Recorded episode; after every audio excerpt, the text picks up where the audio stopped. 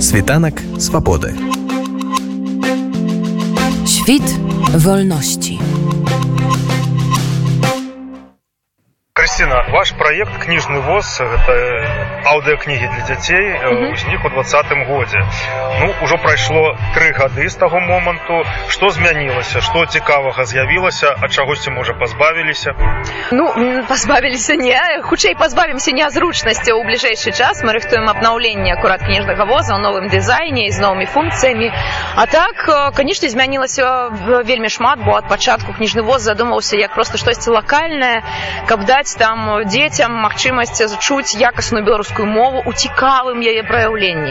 Цяпер жа гэта амаль 200 гадзінаў беларускай мовы для дзяцей і як высветлілася для дарослых, бо шмат хто прызнаваўся, што і ў двадцатым годзе і пазней гэта была як такая своеасаблівая казкатэрапія.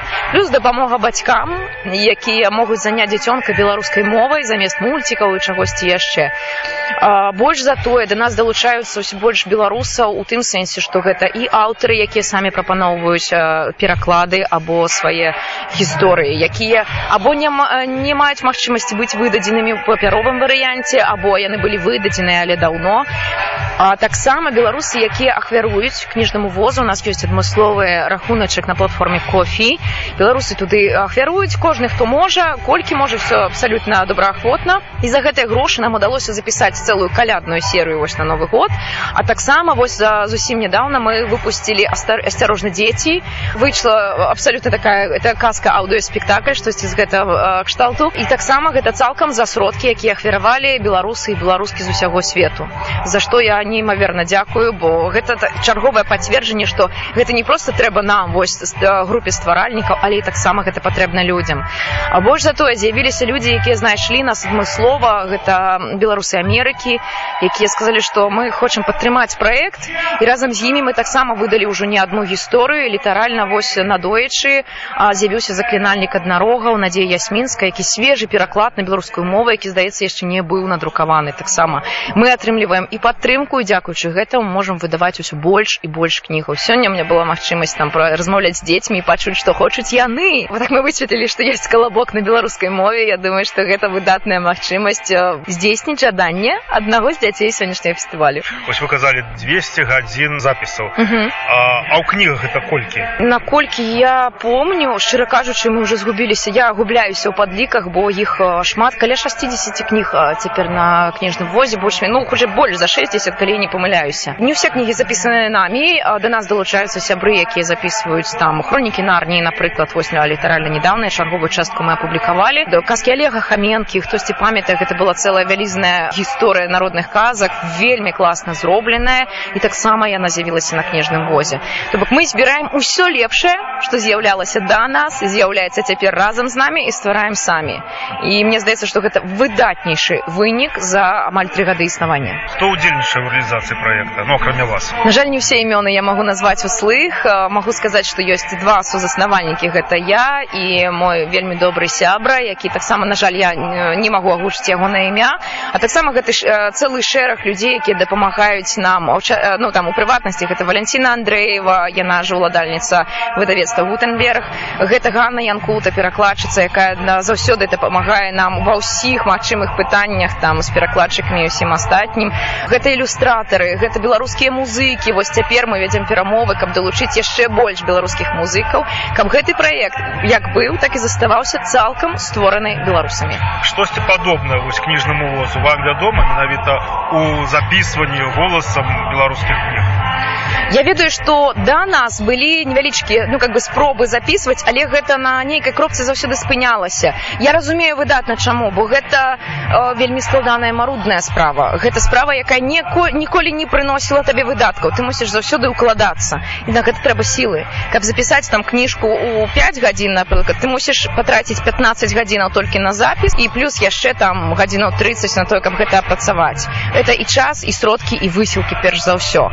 Таму Таму каб зайсці так далёка напэўна цяпер разам з намі толькі аўдыобукбай вось яны таксама мы так поплеч ідзем і стараемся супрацоўнічаць па-сяброўску яны дапамагаюць нам мы чым можам дапамагаем ім і гэта разбураем міф пра тое што беларусы не могуць супрацоўнічаць могуць А ці можа такое быць што ваш праект кніжны воз стане камерцыйным Магчыма Магчыма бо цяпер ён набывае такія маштабы ён як дзіця для нас якое падрастае і мы разумеем што мы мусім вось купіць яму сандалікі паболей так што ён там мусіць выправіць сваю школу што мы мусім прыняць што ён становіцца не толькі наш лакальны то ён становіцца вялізным і мы мусім ўсё ж такі кудысьці гэта пераводзіць Таму Магчыма я вось мы тут ідзем вось пахвалі Я думаю што магчыма ён стане камерцыйным але гэта не ёсць мэтай. І ніколі не было і не будзе наша мэта была ёсць і будзе гэта якасная беларуская літаратура зробленая цікава з узорным беларускім вымаўленнем каб яно было каб я была магчымасць гэта пачуць захаваць і цяпер і на пазней. У развіцці праекта з якім праблемам стыкаліся як іх абыходзілі як развязвалі? Ну слухайте канешне заўсёды праблема любых беларускіх праектаў з-за мяжой у прынцыпе гэта фінансаванне. Хаця мы ніколі не разлічвалі на тое што нам прыйдуць і дадуць грошы мы разумелі што гэта толькі пытанне нашых магчымасцяў уласных. І час. Відавочна што час. Я мару пра тое што кніжны воз калісьці стане для мяне вось асноўным тым што я буду рабіць складана знайсці галасы якія б маглі чыста гаварыць па-беларуску. Вельмі шмат людзей гаворыць па-беларуску маім атачэнні але все ж таки мікрафон і кнігі гэта мусіць быць яшчэ на ўзровень вышэй. Таму ось у гэтым пытанне але мы паціху прыцягваем да сябе людзей. Это час то бок это некалькі месяцаў працы заўсёды каб вось некія моманты там адпрацаваць. Напэўна гэта асноўна а у астатнім я хочу ну как бы дзякуючы падзякаваць там карыстаючыся магчымасць усім тым хто нас слухае хто прыходзіць піша у каментары або ў асабістыя ўсе гэты прыемныя словы. Нават тут на фестывалі я сустрэла некалькі людзей якіх я не ведаю але яны падышлі і выказалі ўсе словы я разумею што мне так шкада што гэта сёння чула ўся каманда але абавязкова перадам я шчыра дзякую бо гэта да знойдзем мы сродкі але гэта асноўна гэта дае сэнс каб ісці далей не гледзячы ні на што. Сёння тут на тутацы вы распавядалі пра кніжны воз. Пра што ішла непасрэдна гаворка якія пытанні задавалі што вы адказвалі ну разумееце кніжны воз гэта перш за ўсё как бы суполга дзяцей якія былі са мной і вядома што ў іх не шмат пытанняў. Але для іх я падраставала падарункі. Гэта былі налепкі гэта раздрукаваныя гульні мы з імі паспрабавалі пачытаць кавалачак кнігі. Вядома для таго каб правесці правесці такое как бы раскачегарыць скажем так іх паўнавартасна то гэта патрэбна нашмат больш часу. Але ў прынцыпе мне давялося пазнаёміцца пагаварыць з патэнцыйнымі слухачамі з бацькамі мы расказалі трошки як працую прынцыпе кніжны воз як ствараюцца кнігі запыталіся што было цікава пачуць і свае пажаданні выказалі і дарослыя і дзеці што для мяне вельмі ценна дзеці пра гэта чым была карысная сустрэча для вас паглядзець на іх я ведаю што яны мяне слухаюць яны мяне чуюць я ведаю якія кніжкі там найбольш праслухоўваюцца на кніжным возе. І мне хацелася паглядзець на гэтых самых маіх маленькіх герояў для якіх это все робіцца. Таксама паглядзець на бацькоў. Бо трохгадовы дзіцёнак ён не пойдзе сам там веб-стор ці google play і не сцягне сабе аплікацыю. Это робяць бацькі. І гэта важна гэта першы крок. А ўжо наша задача гэта зацікавіць тым што там адбываецца. Таму гэта вельмі карысныя сустрэчы. Разбудаваць гэтую мяжу і сустрэцца вось сам насам каб яны пачулі гэты голас у жыцці а я паглядзела на іх вось і уяўляючы як яны засынаюць па гэта ўсё это вельмі цікава перспектывы кніжнага возу якія вы бачыце ух это напэўна самае складанае пытанне бо мы ніколі не ставілі мэтаў мы так прыкладна казалі што ну добра калі ў нас там праз два гады будзе ну 20 кніжак а іх 40 аказалася да гэтага моманту Таму мы вырашылі для сябе што мы не ставім пэўных мэтаў у нас там амаль няма дэдлайнаў ніколі ў праекце такі умоўныя ёсць няма у нас заўсёды ёсць план па агучцы на паўгода дзесьці наперад то бок у нас ёсць спіс кніг які мы робім але мы не закладаем гэта як нейкую там фінансавы план ці вось там мы мусім вось так так і так яно ідзе мы гэта робім мы укладаем усе свае магчымыя сілы і няхай ідзе гэта такі працэс сюрпрыз для нас саміх нам самім прыемна здзіўляцца таму наколькі гэта разварочваецца бо мы не можам рабіць гэта толькі для сябе гэта проект які цалкам залежыць ад людзей ад іх цікавасці бо калі ў нейкі момант якія б мы планы не будавалі